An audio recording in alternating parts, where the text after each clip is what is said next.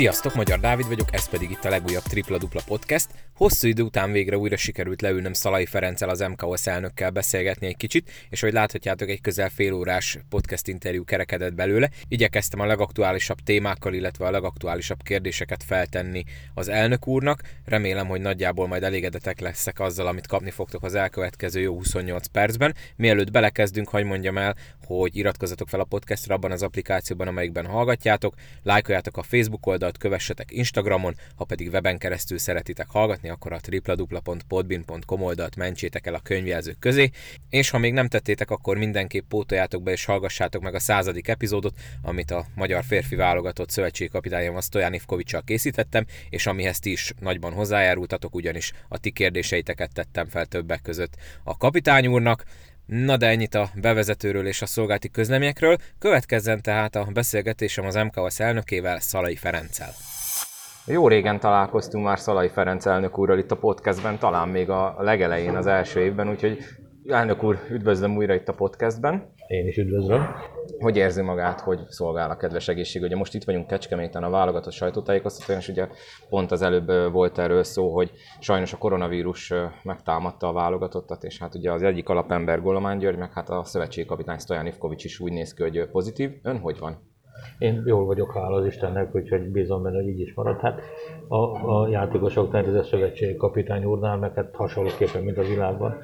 Mindig nagyon vigyázni kell mindenkinek, mert bármelyik pillanatban veszélyeztetve vagyunk a vírussal, ráadásul mind a ketten beoltottak voltak, tehát azt gondolom, hogy ez is egy, egy komoly üzenet innen is, hogy azért, mert valaki beoltatott, még vigyázni kell magára, de nem kicsit. Ugyan most a válogatott a fő téma, de én azt szeretném, hogy picit inkább a bajnokságról beszélnénk. Hát ö, szerintem, ha azt mondom, hogy elég hektikusan alakul az idei pontvadászat, akkor lehet, hogy enyhén fogalmazok. Önnek mi a véleménye az eddig eltelt tíz fordulóról? Ugye nagyjából a felénél járunk a bajnokságnak, és azt láthatjuk, hogy iszonyatosan szoros a mezőny. Ugye az, a Falko és a Szolnok egy kicsit eltávolodott az élen, de utána igazából olyan sűrű a mezőny, hogy egy-egy forduló alatt akár fenekestül a tetej, feje tetejére állhat a, a tabella. Hát ugye az elején is erről beszéltünk, hogy most már évek óta az látszik, hogy egy, egy-egy évben kiegyenlített, rosszul mondom, tehát minden évben kiegyenlítettebb a bajnokság, egyre, egyre erősebbek a, a csapatok. Azt látom, hogy valóban a, a, a Falko és a Szombathely egy nüanszival följebb van, a Falko meg még egy nüanszival a Szolnok fölött van, de viszontlátásra. De azért az egy nagyon-nagyon komoly dolog, hogy tényleg mindenki mindenkivel a győzelem esélyével játszhat, akár idegenben, akár otthon. Ez azért egy, egy komoly jelzés az ügyben, hogy a férfi, de mint a női kosárlabda is eh, megint szintet lépett, megint erősebb lett. Ami nem jó, a, a, a magyar játékosok mennyisége még mindig eh, azt gondolom, hogy, hogy kívánni valókat, hogy maga után. Ez ügyben külön köszönet a szombathelynek, hogy a válogatott gerincét adó játékosok voltán hatan ott vannak a, a, a szombathelyben. Ez egy komoly dolog, de hát ha más csapat akar magyar játékosok irányába elindulni, nagyon kevés van, akiket hasonló színvonalúról, hasonló felkészültségéről beszélünk, meg lehet említeni. Tehát itt még van dolgunk, hogy a fiatalok beépítése, a fiatalokkal való foglalkozás, a képzésük még, még, még nagyobb intenzitással kell, hogy történjen. Jó is, hogy felhozta a fiatalokat, nem is olyan rég volt itt a podcastben is arról szó, hogy ugye az 23-as szabály hatása, és ugye van már mögöttünk egy teljes év, amiből lehet meríteni, és nem tudom, hogy azt esetleg hallgattam, amikor a Déri Csabával és az Alegerszeg részéről Kis Attilával beszéltünk erről, hogy annyira nem jó az első év tapasztalata, mint amennyire talán lehetne, hogy akik ugye kikerültek az 23 szabály alól nem nagyon tudnak hasonló teljesítményt, meg perceket hozni. A szövetségben mi az álláspont így egy év után egy, teljes év után az 23-as szabályról? Nem az egy év, hanem a férfiaknál az egy év, hanem a lányoknál a hat év a, a mérvadó. Az látszik, hogy a női utánpótlás most már elérte a női válogatott szintjét. Ha most megnézzük a női válogatott névsorát és korösszetételét, Határ Betty a 25 évével majdnem a legidősebb játékos a, a, a csapatban.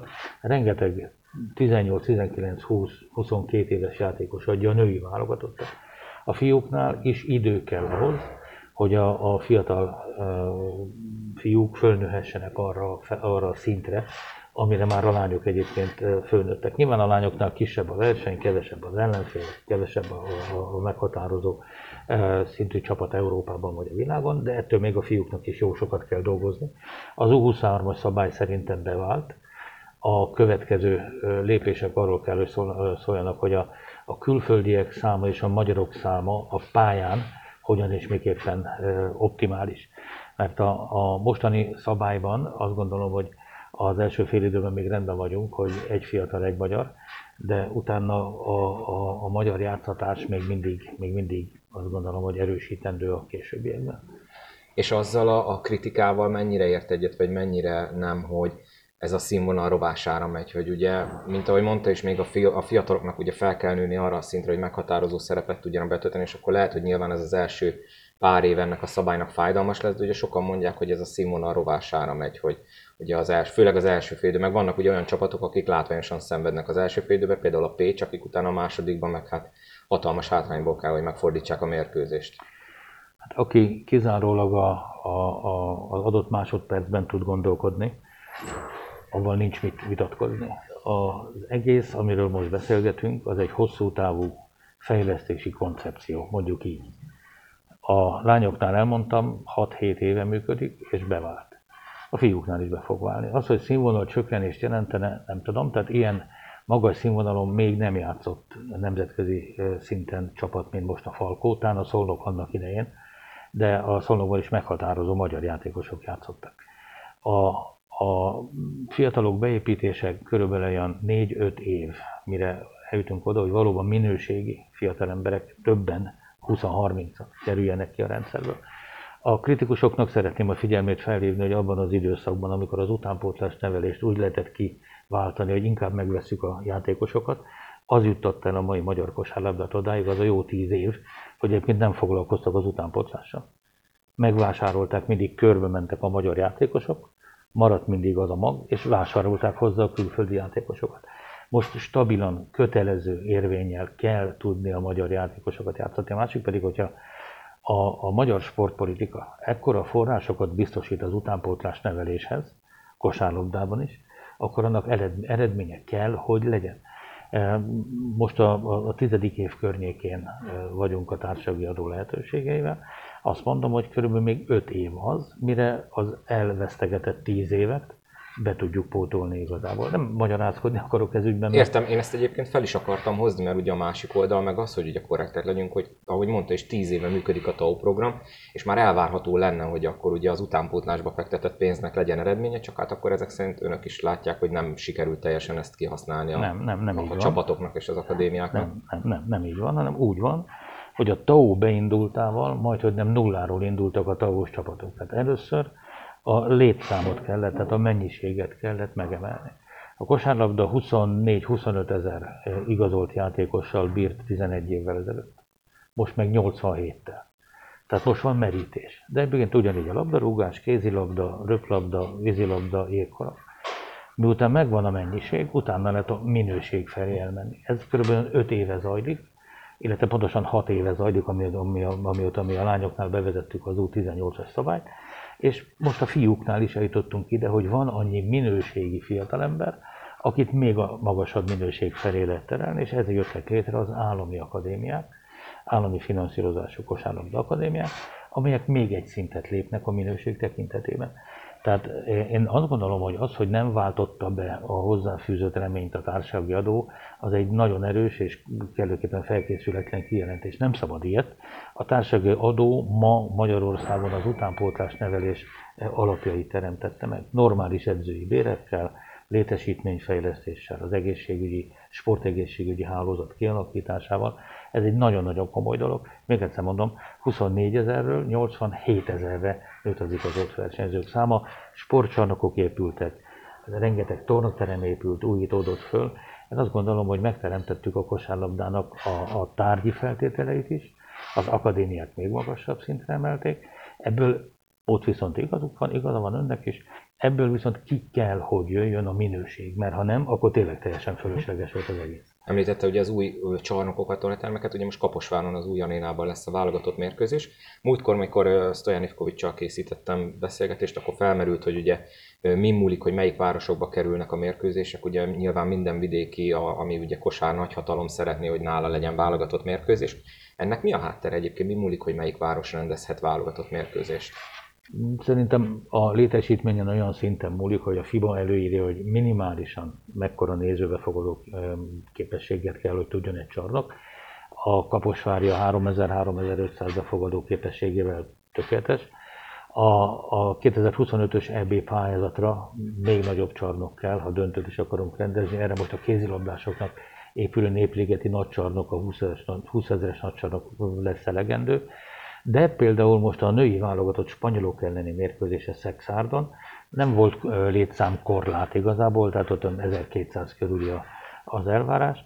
Oda pedig, és általában, ha megvan a, a megfelelő mennyiségű nézőbefogadására alkalmas csarnok, ott a második pont az az, hogy meg tudjuk-e tölteni a csarnokot. Tehát népszerű a kosárlabda annyira abban a városban, hogy tényleg erőt adjon. Ezért eh, nagyon fontos, hogy most Kaposváron, mint egyébként a bajnoki mérkőzéseken szintén megteljen a csarnok, hogy, hogy ha lehet, akkor fújjuk be a gyűrűbe a labdát, a, a nézőknek lehet valami feladatot adni. De nagyon-nagyon jó rendező ez ügyben eh, Miskolc is, hiszen az ottani eh, kosárlabda arénát mindig megtöltik a nézők, sőt ott a labdarúgó nézők is megjelennek nem egyszer, nem kétszer határtalan hangulatot, hangulatot teremtve. Szombathelyen is azt gondolom, hogy, hogy kiváló a, a rendezés, és ott is nagyon-nagyon sokat tud segíteni a közönség, és hát bízom benne, hogy, hogy a, a tüskecsarnokot is tudjuk még egyszer-egyszer használni, mert az is egy, egy, egy nagyon-nagyon jó, jó helyszín, de ugyanígy Debrecenben, hiszen ott nem kérdés kosárlabda esemény van, lehet, lehet kosárlabda programokat rendezni, Pécset megint csak Sopronban, megint csak Euróliga döntőt rendezni azért egymás után kétszer nem egy utolsó Igen. Final Four rendezni nem egy utolsó dolog. Jó, és hogy mondta a tüskecsarnokot, mert ugye mindig azt szokott előkerülni a szurkok körében, hogy miért nem lehet Budapesten, mert az ugye nagyjából mindenkinek könnyen megközelíthető, nincs olyan távol ugye a tömegközlekedéssel, akár vasúttal, bármivel könnyen elérhető de ilyenkor gondolom, nyilván ugye mire lefixálódnak az időpontok, nem olyan egyszerű Budapesten üres csarnokot találni, ha jól sejtem. Hát meg a, a tüske csarnokot a jégkorongosok használják elsősorban, tehát ott, ott az időpont egyeztetés mindig, mindig bonyolultabb egy kicsit, mint abban a csarnokban, ahol a kosárlabda az első számú. Nyilván Kaposvár mellett az is szólt, hogy egy vadonatúj csarnokról beszélünk, amit azért a válogatott szintnek is ki kell tudni próbálni, és meg kell emelni, hogy igen, itt van egy, van egy nagyon komoly létesítmény a kosárlabdának.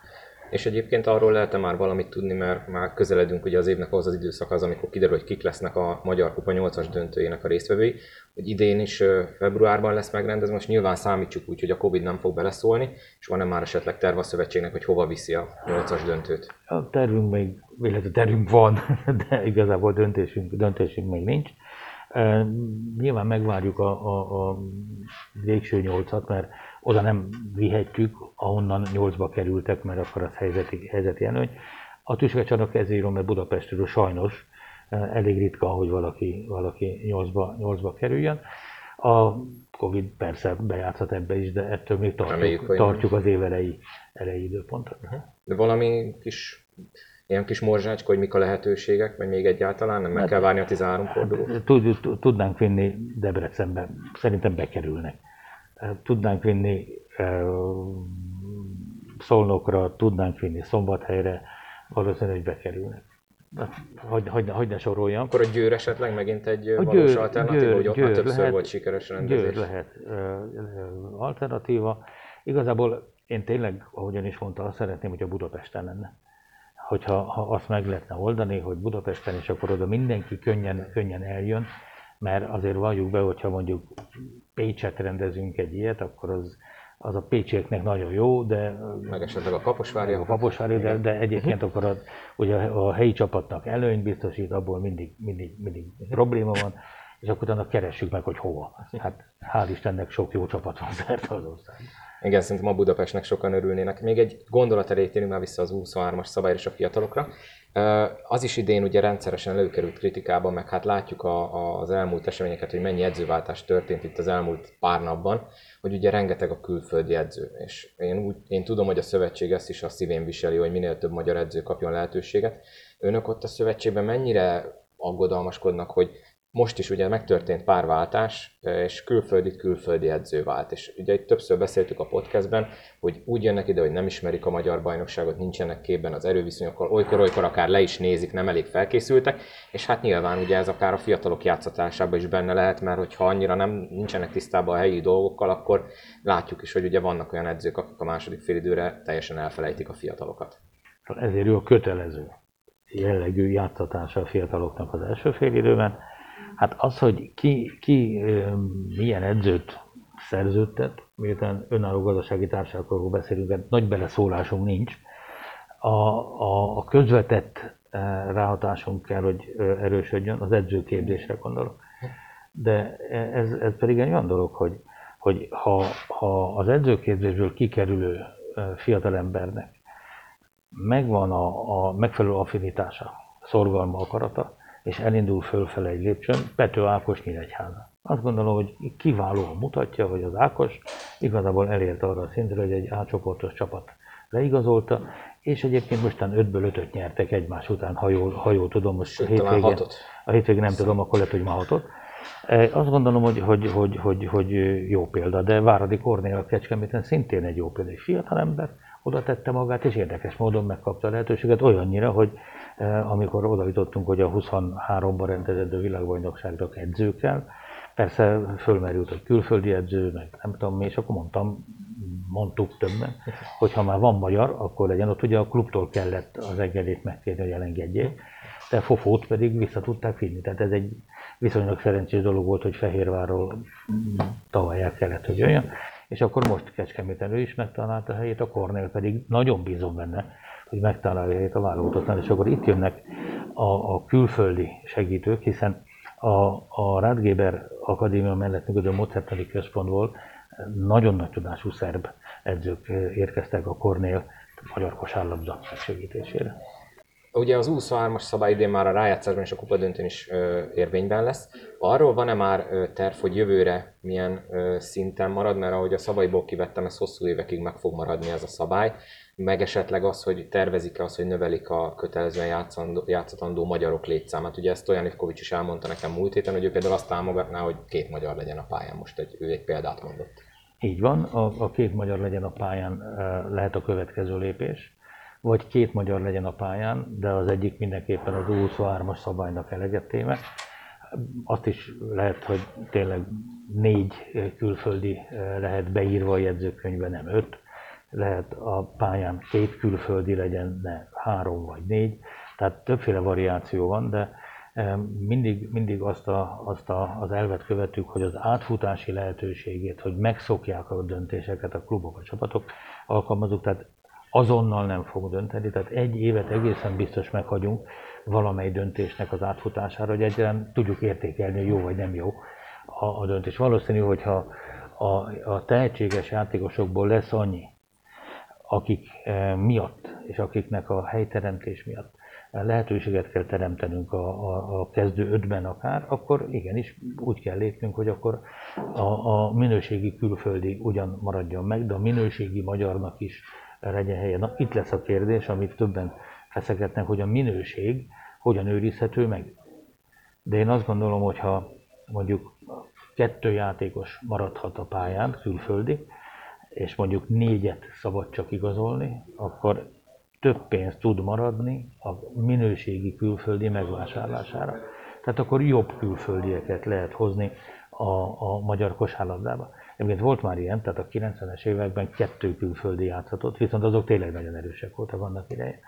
De akkor a magyarok is erősek voltak. Tehát az az, az, a, az az időszak példa lehet, hogyha sok erős magyar játékos van, válogatott szintű akár, akkor a külföldiekre olyan mértékben nem lesz nem lesz szükség. szükség. Viszont az biztos, hogy lesz szükség külföldire, mert azért a, a, a magas minőségű külföldi játékost azt azért nem, nem feltétlenül tudjuk pótolni itthon. Meg nem is biztos, hogy ezt a bajnokságot választja. Hát meg nem is biztos. Igen, igen. Egy utolsó téma, amiről szeretnék beszélni, mert ez is rendszeresen előkerül, bár én szerintem ebben is volt igen komoly előrelépés. az a tévéközvetítés. Ugye így, hogy már van a m Sportnak ugye a plusz csatornája a Dunavört helyén, azért nagyjából minden hónapban van legalább három, akár több férfi bajnok is, meg női bajnok is a képernyőn, de ugye még mindig sokat hallani arról, hogy miért nem lehet több meccset tévében közvetíteni. Ugye ki kell mondani, tudjuk, hogy a, a magyar kosárlabda nem érhet fel népszerűségben a magyar focival, szerintem a kézilabda is jóval nézettebb a tévében, a szövetség ezzel kapcsolatban mit tud tenni, mekkora mozgástér van ebben, hogy esetleg jobb tévés közvetítést harcoljon ki, vagy egy kicsit így följebb tornásza a kosár népszerűséget, akár a tévétársaságoknál is? Hát én azt látom, hogy évről évre több kosárlabda mérkőzés van a, a, a tévécsatornákon. Akár most az új csatorna megjelentével, akár úgy összességével. Viszont nem tudom, hogy más sportágak a stream lehetőségével hogy élnek, és a mindigót hogyan és miképpen használják, bár lehet anyázni a mindigót. Lehet állandóan pampogni néhányaknak egyébként, hogy, hogy így a, nem mondom a jelzőt, hogy szokták illetni a mindigót. Ma a kosárlabdát szolgáló összes csarnokból, nem biztos, mert Sziget-Szent Miklósról szerintem nincs, de ebben nem vagyok teljesen biztos, szerintem onnan nincs. Mindenhonnan egyre jobb minőségű stream lehetőség van a mai televíziók számítógépként is működnek, ha jól tudom. Tehát egészen nyugodtan lehet nézni normál képernyőn az összes mai magyar kosárlabda mérkőzés, sőt, visszanézhetőek a mérkőzések. Nem tudom, hogy más sportákban pontosan hogy van, mint van, de ebben mi, hogy elől vagyunk, az egészen biztos. Tehát aki ma televízión kosárlabdát akar nézni, az nem csak az M4-en, és nem csak a, a Dunavördön nézheti, hanem streamen is nézheti. Tehát ezzel előtte vagyunk a kézilabdának, labdarúgásnak, röplabdának, kézilabdának, mindennek. Viszont az igaz, hogy azért nem baj, hogyha a, a nagy állami csatornán ott van a kosárlabda többször. Hát nyilván dolgozunk rajta, hogy a lehető legtöbbet ott legyünk rajta, de ha megnézzük, akkor az összes nemzetközi mérkőzés azért ott van, vagy legalábbis az önvan nemzetközi mérkőzéseknek ott van, a lányoknál különösen ott van, azt gondolom, hogy itt is jó haladunk elő, és ott van igaz a, a, a, a kritikát megfogalmazóknak, hogy minél többen látják a kosárlabdát a televízióban, annál népszerűbbé válik, de visszafele is igaz, ha eredményt nem érünk el klubszinten és válogatott szinten, akkor nem lesz mit eladni. Hát ezért nagyon fontos most a Falkó szereplése. Ezért nagyon fontos a, a, a válogatott, hogy hogyan és miképpen tud helytállni. Viszont, bocsánat, hogy közben pont a Falko az, amit ugye nem lehet megnézni, BL mérkőzést országos tévén, ugye az mindigó. Ez nem egy kicsit ilyen kontraproduktív, hogy ugye oké, okay, mert aki ugye követi a kosárlabdát, tudja, hogy van mindigó, megnézi, de viszont az átlagember, aki mondjuk egy szerda este keresgélne, hogy na milyen műsor megy, vagy milyen sport, és mondjuk nincsen foci BL, de ó, ott lenne egy Falkó BL meccs, az is sajnos elesik tőle. Ez igaz, a BL meccseket a televízióban közvetíteni egy külön versenyszám. Tehát azt, azt nem, nem csak mi döntjük el, hanem, hanem sajnos ott komoly közvetítési díjak vannak. Nem igaz, hogy egyszer-egyszer ezt nem kell megtenni, meg kell, de ez a következő időszak feladat, hogy ez így legyen. Egyébként még a Mindigóval kapcsolatban, ugye már, ha jól számolom, legalább három, de lehet négy éve működik. Talán ez a második vagy harmadik szezon, amikor ugye legtöbbet kizárólag ott lehet közvetíteni és még mindig rengetegszer van technikai probléma. Ugye, ha jól tudom, idén előírás lett, hogy élvonalbeli csapatnak kötelező ezt a közvetítési lehetőséget biztosítani, tehát kell megfelelő informatikai háttér. És az Antenna Hungáriával a szövetségnek milyen a, a kapcsolata, hogy mennyire ö, szoros az együttműködés, mert hogyha jönnek visszajelzések, hogy mondjuk múltkor például a Szolnokon is előfordult, hogy azt hiszem egy komplet félidőt nem lehetett látni, mert hogy ugye ilyenkor mindig ugye azt szoktam mindig mondani, hogy nem érkezik el a csarnokból, aztán rá egy hétre meg Full HD-ban a, ugye a FIBA YouTube csatornáján közvetítették tökéletesen, akadásmentesen a, a Europe Cup meccset, és hát ugye a hálózat az azonos mindkét esetben, szóval ilyenkor évközben az Antenna Hungáriával mennyire lehet itt a technikai dolgokat javítgatni, vagy mennyire? De, ugye, ugye senki nem hiszi, hogy szándékosan nem közvetítette a, a, a, stream a félidőt. Tehát biztos, hogy valami technikai probléma van ilyenkor. Általában az internet uh, ereje, vagy nem tudom, hogy hogyan fogalmazzam, Eh, az, ami a problémát okozza.